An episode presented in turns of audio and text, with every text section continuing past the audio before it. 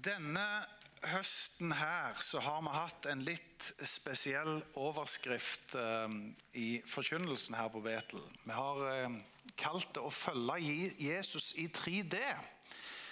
Og nå er det sånn at det går ut litt eh, Det er en del av dere som har vært med på dette før, så dere trenger kanskje ikke ta de brillene, men det deles ut litt sånn 3D-briller. Og de som vil ha de, kan, eh, som enten er gjester eller ikke har vært med på dette før, kan få lov å bare ta seg sånne briller. Det er absolutt ikke farlig. Det handler bare om at vi skal se på den skjermen der. Og så eh, eh, kan du bare gjøre sånn hvis du har lyst, lyst på sånne briller. Det handler kort og godt om dette at um, 3D er jo et begrep for å se noe som er litt dypere. Du vet, Når du ser på en skjerm, så ser du en høyde og så ser du en bredde, men du ser ikke en dybde. Men hvis du tar på deg 3D-briller, så ser du en annen dybde i briller. og Dette er et eksempel på det i denne powerpointen som er oppe på skjermen. Og For at du skal se nyanser, for at du skal se noe dypere, så må du ofte se noe i flere dimensjoner. Og Derfor er det sånn at Når Gud presenterer seg selv i Bibelen, så presenterer han seg ikke bare som Gud far, men han presenterer seg òg som Guds sønn, Jesus Kristus, og som Den hellige ånd. Altså Du får tre dimensjoner. Og Når du får alle tre dimensjonene, så du et, får du et dypere og klarere bilde av hvem Gud er. Når Bibelen begynner å omtale mennesket, så er ikke det mennesket i én dimensjon. fordi at mennesket i én dimensjon det er bare det kroppslige. Og det kroppslige det ser vi jo. Det er jo det fysiske. Men jeg tror de fleste her vil være enige i at eh, mennesket er mer enn kropp. Det er også sånn at Vi er en sjel, det fins en innside, det fins tanker og følelser. Og så er Bibelens beskrivelse at det òg fins en åndelig dimensjon. Og For å se mennesket i et mer nyansert og et dypere og klarere bilde, så trenger vi å se at vi både har en kroppslig, og en sjelelig og en åndelig dimensjon. Så Ofte så er det sånn at når Bibelen utkrystalliserer bilder, så ser du ulike vinklinger og fasonger og dimensjoner. og Da ser du ting klarere. og derfor så er det sånn at Den første måneden her så snakket vi om fellesskap i 3D. og Nå skal jeg ikke ta en reprise på det, for det går det an å høre på podkastene og, og, og, få med seg det. Men, men, nå skal vi gå på det der punkt nummer to i denne eh, overskriften. og Det handler om å ha et livsfokus i 3D. Hva betyr det? Vel, jeg er ganske sikker på at hvis meg og deg har en én-til-én-samtale, og jeg spør deg hva er det du egentlig har som et livsfokus, så er det nok en del ting som vil gå igjen, både hos deg og hos meg. Jeg er sikker på at de fleste vil si noe sånt som at uh, mitt livsfokus, det er Ja, det er jo å ha det godt. Å ta vare på meg sjøl. Det er å bry seg om uh, familien min vennene mine. Kanskje noen vil si det er karrieren og utdanningen og jobben, og det er penger og opplevelser. Og det er liksom ulike dimensjoner i livet, og alt dette tenker jeg er viktig og bra. Nå tror jeg at det er vårt ansvar som kirke å prøve å gi folket som kall det tilhører her og sokner til her, og som besøker oss, til å prøve å gi en, en balansert bilde av hvilke fokusområder i livet som gir en sunn og god balanse. Og Da har vi kategorisert det ned i 3D, altså tre forskjellige dimensjoner som vi de neste gangene skal snakke om. De som kommer tilbake her neste søndag, de kommer til å om, høre at vi snakker om et livsfokus, det som vi har kalt for å se innover. Og Det handler om dette med viktigheten om å ta vare på seg sjøl, ta vare på sine nærmeste, sine venner, om å lene seg inn mot det kristne fellesskapet, fordi at Bibelen sier noe om at vi skal ta særlig eh, og bry oss om de som er våre søsken i troen. Og Det er en del av livsfokuset vårt, det er at vi ser innover. Så skal vi om to uker få besøk av ei som heter Maria Westersjø, som jobber i noe som heter Hjerte for Sandnes, og som har et spesielt fokus utover. Og Vi tror at det er en del av det livsfokuset vi skal ha som mennesker. Det er å ikke bare bry oss om oss sjøl og våre nærmeste, men ha et blikk for omverdenen, gjøre verden til et bedre sted. Og at det er et godt livsfokus å ha. Det er alt fra naboen til den ensomme på, som sitter for seg sjøl og ikke har så mange, til flyktningen i Moria-leiren som har blitt dreven ut på gate og ligger der og venter på skjebnen. Dette er et fokus på utover. Men før vi snakker om fokuset på innover og utover, så skal vi løfte blikket vårt og se på der vi mener kanskje er det viktigste stedet å ha et livsfokus, og som jeg tror er et sted som mange glipper. Og Da prøver jeg å gå til første slide her, som sier om at den første dimensjonen det handler om å lære seg som menneske å se oppover. Og For meg var det den nye tingen i livet når jeg som 19-åring ble en kristen. For da hadde jeg jo et visst blikk på verden rundt meg, og jeg hadde nok et ganske kraftig blikk på meg sjøl. Så innover var ikke et problem. Utover prøvde jeg å selvfølgelig gjøre mitt for at verden skulle bli et bedre sted.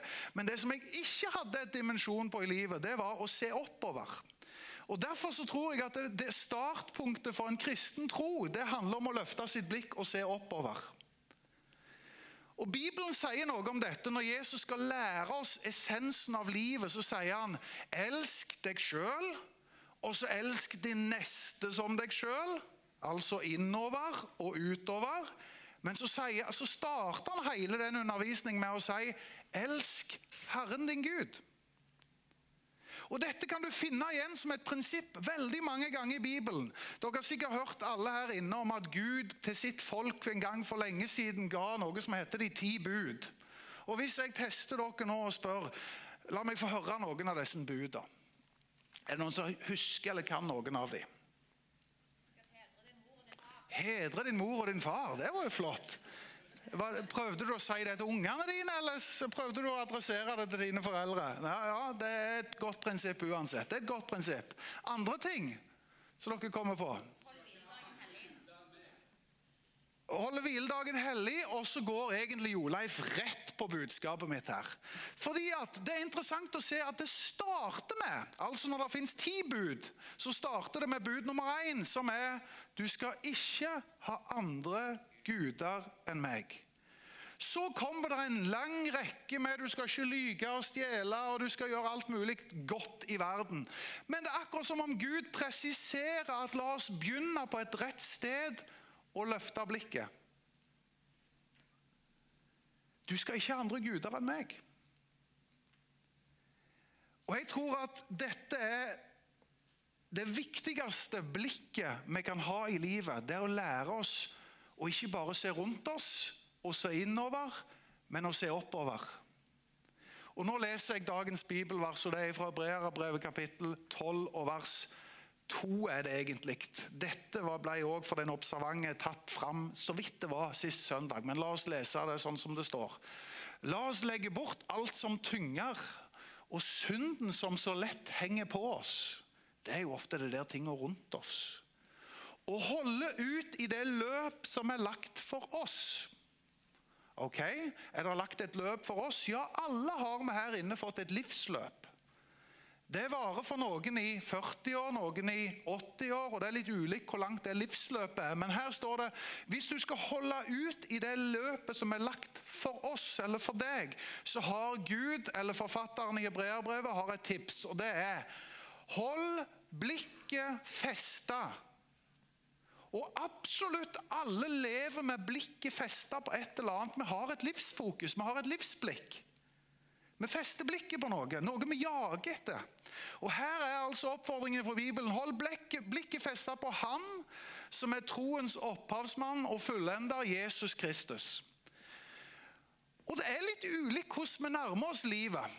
Går du til en uh, psykolog Nå kan jeg karikere dette og gjøre det litt enkelt. Si at En psykolog kanskje vil si lær deg å se innover. Tolk dine egne følelser og erfaringer. En eh, optimist, hva vil han si? Jo, han vil si se framover. En pessimist, hva vil pessimisten si? Han vil si 'se deg for'. Pass deg. En eh, populist vil si 'se rundt deg'. Altså, hva sier alle andre? Hva, opp, hva, hva mener folk flest? Heng deg på det som er inn i tiden. En kristen vil si 'se oppover'. Det unike med å være en kristen er jo ikke at vi ikke ser rundt oss, eller vi ser framover eller ser bakover eller ser i oss sjøl.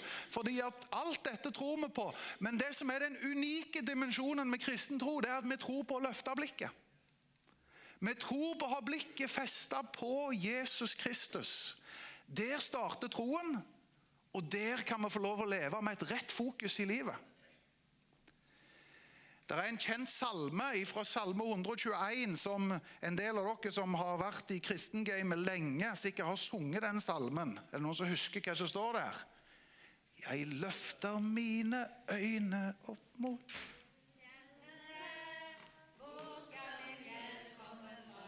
Wow.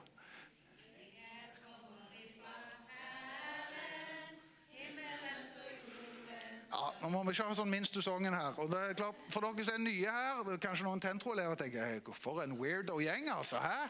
her bare sier du et ord, og så synger alle en gammel sang. Vel, Dette er en sånn gammel slager som fins der. og Det er noe som står i Salme 121, og det er en dypere mening med det. fordi at Der står det 'til festreisende til Jerusalem', har David skrevet. Og Når David skriver dette, som skriver salmene, så sier han at, at på den tida der så var det sånn at folk valfarta til Jerusalem for å, for å feire høytiden. og for å liksom, Det var der de reiste på ferie, kan du si på et moderne språk. Og Der var det farer og feller som møtte de, for de hadde verken Tesla eller T-bane eller fly. eller noen ting. De måtte gå i dagevis. Og det var all slags utfordringer. Og Da var det David sa på den reisen dere har lagt ut på, så trenger dere å skjønne at hvor dere skal feste blikket. Og Da sier han fest blikket opp mot fjellene og spør hvor skal min hjelp komme ifra. Jo, min hjelp kommer ifra Herren. Og da er det sånn at Gjennom livet vårt så kommer vi stå, til å stå foran en del farer og feller. En del utfordringer en del krevende greier. Og Dette sier jeg også til dere tentroelever som, som vi særlig markerer i dag. Livet ligger foran dere. Det er et livsløp. Og oppfordringen fra Bibelen det er å ha blikket festa på rett sted. Det er å ha blikket festa på Jesus Kristus. Vil livet bli såre vel uten utfordringer? Nei, men du vil ha en dimensjon i livet der ikke alt dreier seg om Verden blir større enn meg og mitt. Det er noe som er en høyere og større, som jeg kan få lov å klynge meg til og holde meg til. Derfor så sier vi lev med blikket oppover. En kristen har et livsfokus som er oppover. Og Da stiller jeg spørsmålet, fordi at nå er det to spørsmål jeg kommer til å stille før jeg slutter av. og Det første spørsmålet er hvorfor, nei, ja, hvorfor, og det neste er hvordan eller hvordan. Hvorfor skal vi ha blikket festa oppover? Og Da gir jeg svaret ganske kjapt. her. Det skulle egentlig stått én og to, men det står én og én her. Så står det ikke fordi Gud trenger det, men fordi han fortjener det. Det, for Noen har anklaga Gud og sagt at ja, hvis jeg skal leve med et blikk på Gud og kanskje gi han ære og tilbe han og synge til han og takke han og be til han Er Gud en sånn en selvopptatt egoist som trenges oppmerksomhet? og Derfor så må vi liksom vie han oppmerksomhet og takke han og be til han og synge til han og sånn. Er det Gud som trenger min tilbedelse? Nei, Gud trenger ikke det, men han fortjener det. Hvorfor? Fordi han er skaper av himmel og jord. Fordi han er opprettholder av alt liv. Fordi han sendte sin sønn til soning for våre synder, som gjør at vi kan få lov å bli frelst og få lov å komme til himmelen. Fordi han kaller oss sine venner, fordi han vil ha en nær relasjon med oss, fordi Gud er god. Så Gud krever ikke min oppmerksomhet, men Gud fortjener min oppmerksomhet.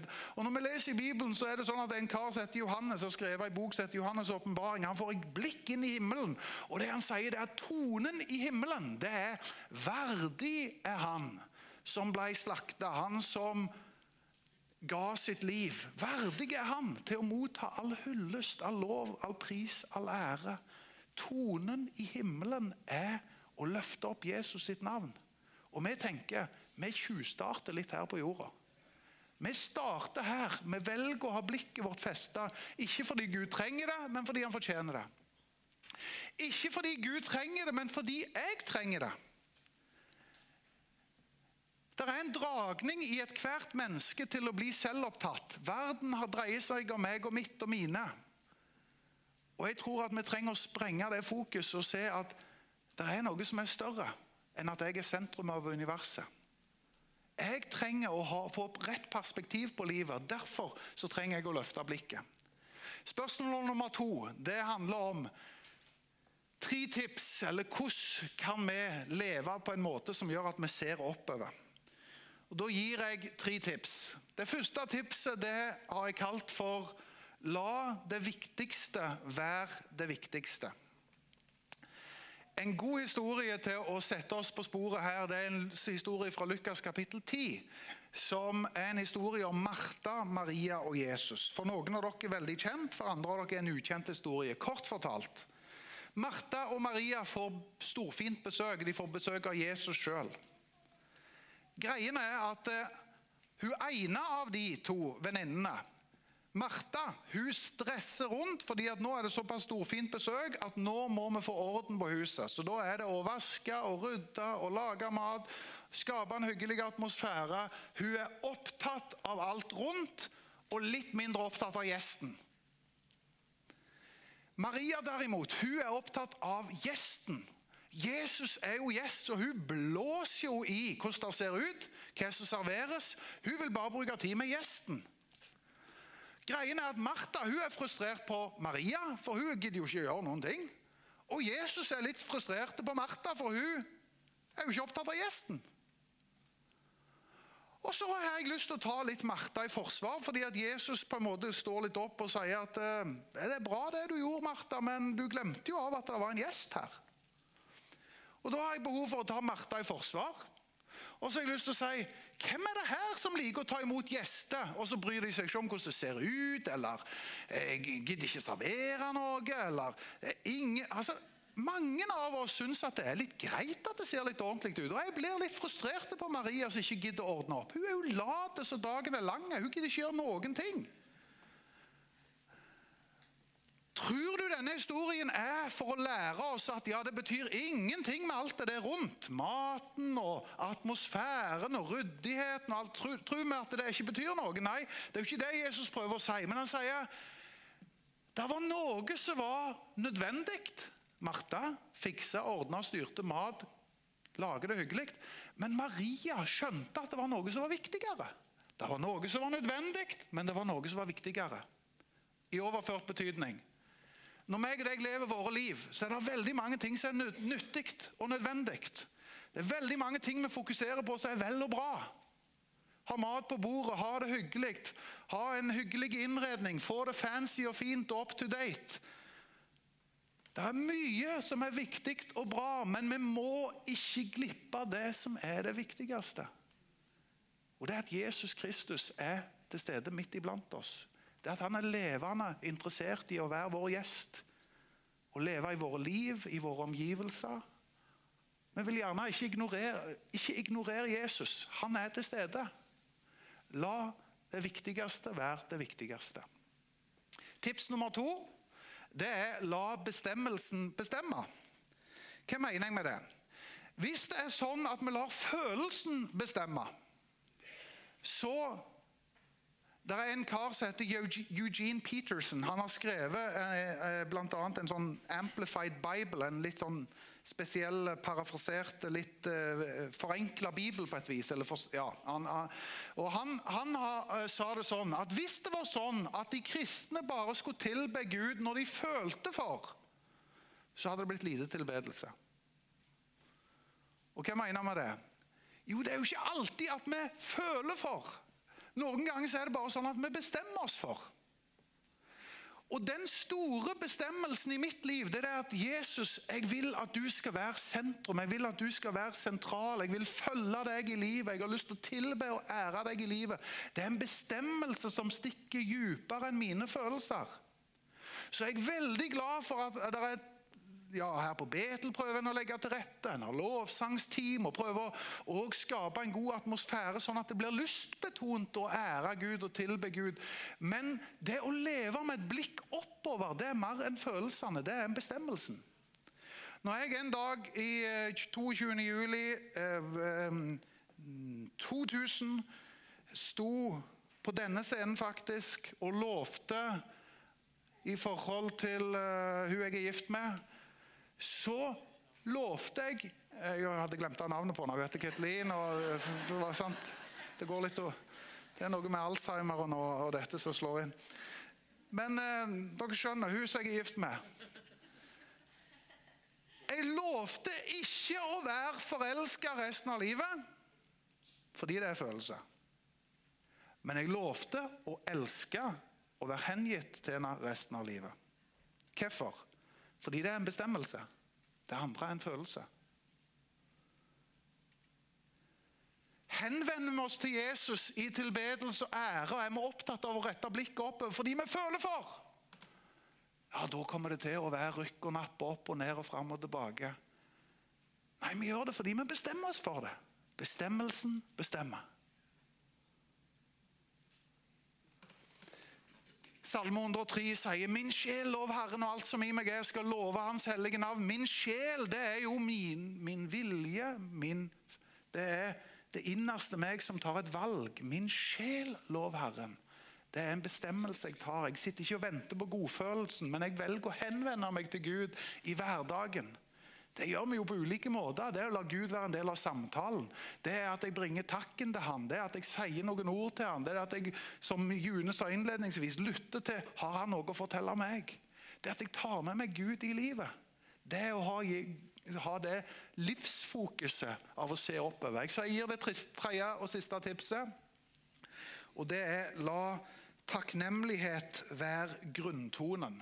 Jeg tror at den beste måten å sikre seg å leve med et blikk oppover, det er å leve med en takknemlighet til Gud hver dag. Det er en historie fra Lukas kapittel 17 som forteller om ti stykk som fikk hjelp av Jesus. Greiene var at alle ti fikk hjelp, men ni av de glemte å gi takk. Så det var bare én som kom tilbake og ga takk. Og Så korrigerer Jesus og underviser de og sier det at eh, var det sånn var det sånn at de andre ikke hadde fått hjelp? Nei, men de hadde glemt å gi takk. Og hva skal vi lære? Det er det at det er så veldig lett at vi tar ting for en selvfølge. Det at vi får lov å stå opp til en ny dag. Det at vi har kreft og energi. Det at vi har mat på bordet. Det at vi har en verden som eh, tross alt der er liv og pust i.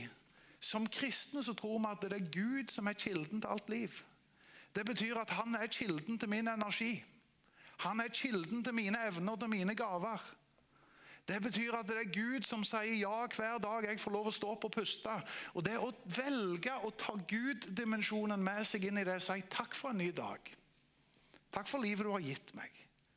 Takk for menneskene jeg får lov å dele det livet med. Det å få denne grunntonen i livet av takknemlighet. Fordi at Der tror jeg det er så lett at vi blir kunder, og vi blir kravstore og vi blir krevende. Men jeg tror livskvalitet handler om å lære seg å sette pris på ting og leve med takknemlighet. Så hva har vært budskapet mitt i dag når vi slutter av når lovsangstimen kommer opp? Det har vært Alle lever med, med et livsfokus. Alle lever med et livsblikk. Det er lett for oss å leve med blikket innover. Det er utfordrende for oss, men nødvendig å leve med blikket utover. Men det er helt nødvendig å starte på rett sted og løfte blikket oppover. Det er å være menneske som velger å ha blikket sitt festa. Absolutt alle mennesker har blikket sitt festa på noe. Jeg tenker på Kiel, Nå er det ikke så lenge til skisesongen. Det begynner i fall å nærme seg litt. Og har dere sett Når de går på ski, så er det av og til sånn at disse sekundantene som står der i, i, i løypa, de ser at når de har liksom stått på og gitt jern så begynner de å liksom, Det er noen bak som begynner å hente dem inn, og de begynner å bli slitne og trøtte. Så ofte så sier de der på sidelinja vet du hva de sier? Løft blikket! Og Hvis de ser bakover, så sier nei, liksom ikke se bakover, for da blir du opptatt av det som er bakover. Men løft blikket. Og Det er visst et eller annet medisinsk med at du, du, liksom, du, gir lungene mindre luft hvis du klemmer deg sammen. så Det er bare generelt lurt å være der. Men for at du skal ha et blikk for det som er framover, så må du lære deg å løfte blikket. Og Som mennesker så må vi òg bestemme oss for å velge å løfte blikket. Noen ganger så er det fordi at hvor skal min hjelp komme ifra? Jo, min hjelp kommer ifra Herren. Da løfter vi blikket for å si 'Herre, hjelp'. Andre ganger så løfter vi blikket bare for å si takk. Andre ganger så løfter vi blikket for å gi vår beundring. Og Det tenkte jeg vi skulle gjøre i avslutningen her. Vi skal invitere dere til å være med og gi en takk, en beundring, en takknemlighet til Jesus Kristus. Og Det kan være en god måte å bare reise seg opp. Om du vil fysisk løfte blikket, så skal du bare invitere Jesus Kristus inn i livet og si 'Kom og vær den viktigste dimensjonen i mitt liv'. For deg som ikke er en troende, og som er ukjent med dette, så er essensen av det kristne budskapet det er å ikke feste blikket sitt på seg sjøl eller på omgivelsene, men feste blikket på Jesus Kristus. Og når Jesus kommer og banker på hjertedøra og sier du, jeg har lyst til å være gjest, jeg har lyst til å ha selskap, jeg har lyst til å flytte inn, jeg har lyst til å være din venn, så kan du åpne opp og si ja, velkommen inn, Jesus. Tenk at du tok mine synder på korset. Tenk at du bar det. Og så får jeg lov å gi meg hen. Bare av ren nåde så har du frelst meg, og så får jeg lov å si ja takk til deg. Så det å løfte blikket sitt sånn, det er startskuddet for den kristne tro. Det er å løfte blikket sitt. Se opp til Jesus Kristus. Så hvis du har lyst til å være med og gjøre det kan, eh, altså Det er jo lov å sitte, det er ikke det, men vi kan kollektivt bare reise oss, så mange som har krefter og ønsker om det. Og så gir vi Jesus en takk og en oppmerksomhet her, og løfter blikket vårt. Og hvis du kjenner at det hadde vært så godt at noen spesielt ba for meg Jeg ønsker å løfte blikket, men jeg vet nesten ikke jeg sette, hvordan jeg skal sette ord på det jeg står i. Jeg syns det er krevende. Så har vi gjort det sånn her at vi på det jevne tror på å be for hverandre. Det er en bibelske ting. Det er at vi velsigner og ber for hverandre. Så ber vi om at Gud skal komme og røre ved livet ditt. Vi har lagd en sånn forbønnsområde der plakatene som står der borte. og Der er folk som er eh, si, trente og autorisert til å komme og møte deg og si kan jeg få lov å velsigne deg og be for deg. Og så bærer vi hverandre på den måten opp til Jesus